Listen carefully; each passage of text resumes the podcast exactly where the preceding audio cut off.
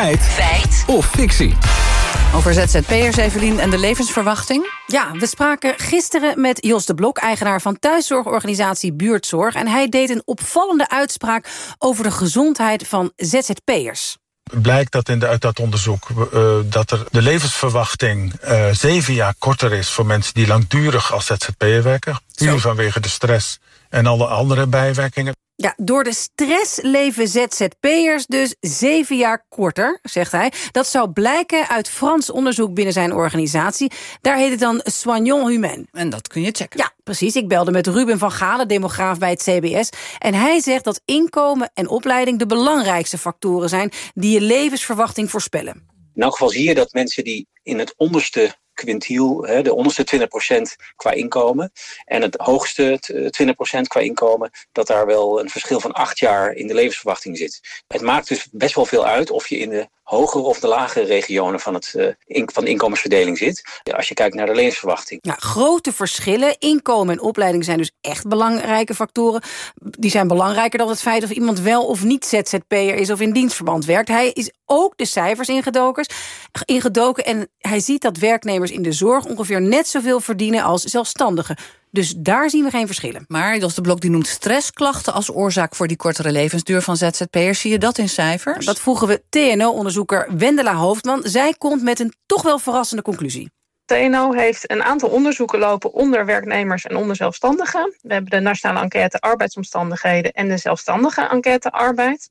En daar zien we dat werknemers over het algemeen meer burn-out klachten stressklachten rapporteren dan dat zelfstandigen dat doen. Dat gaat om forse verschillen.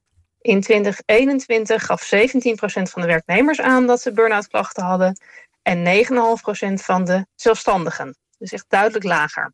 En ik heb net nog heel even gekeken, hoe zit dat in de zorg? Is het in de zorg ook zo? En ook in de zorg zien we dat werknemers meer burn-out klachten rapporteren dan zelfstandigen. ZZP'ers ervaren dus minder stressklachten dan werknemers. En hoogleraar arbeidsmarkt Ton Withagen legt uit hoe dat komt. ZZP'er heeft daar veel meer vrijheid, omdat hij voor eigen rekening en risico werkt. Dus kan zijn tijd veel meer indelen. Kan ook uh, zeggen, nou ja, ik wilde gewoon op die dagen wil ik, uh, mijn kind op school uh, ophalen of bij mijn kind thuis zijn. En we weten uit de literatuur dat als je meer kunt, zelf kunt regelen, dat je daar meer welbevinden bij hebt. Ja, en als het gaat over de levensverwachting van ZZP'ers... is daar überhaupt iets zinnigs over te zeggen? Ja, experts hebben hier grote twijfels bij... want Tom Wild, uh, Wildhagen benadrukt dat de grote groei van het aantal ZZP'ers... pas in 2002 is begonnen. Het gros van de mensen die begonnen als ZZP'er... zijn nu nog gewoon in leven. Dus over hun levensverwachting kan je nog weinig zeggen. En Ruben van Galen schetst dat het leven van een ZZP'er vaak veranderlijk is. Uh, eerst als werknemer vaak starten, ZZP'er worden, dan mogelijk weer werknemer worden. Of een bedrijf starten en dan mensen in dienst nemen. Dus het is ook niet zo dat dit een hele stabiele uh, situatie is... waar je betrouwbare schatting of zoiets als de levensverwachting kunt maken. Oké, gaan we het samenvatten, Evelien. ZZP'ers hebben een lagere levensverwachting door stressklachten. Dat zegt Jos de Blok. Nou, we hebben er maar naar gevraagd, maar we hebben zijn onderzoek niet kunnen zien. Waar hij zich dus precies op baseert is onduidelijk. In algemene zin kun je niet zeggen dat ZZP'ers een lagere levensverwachting hebben.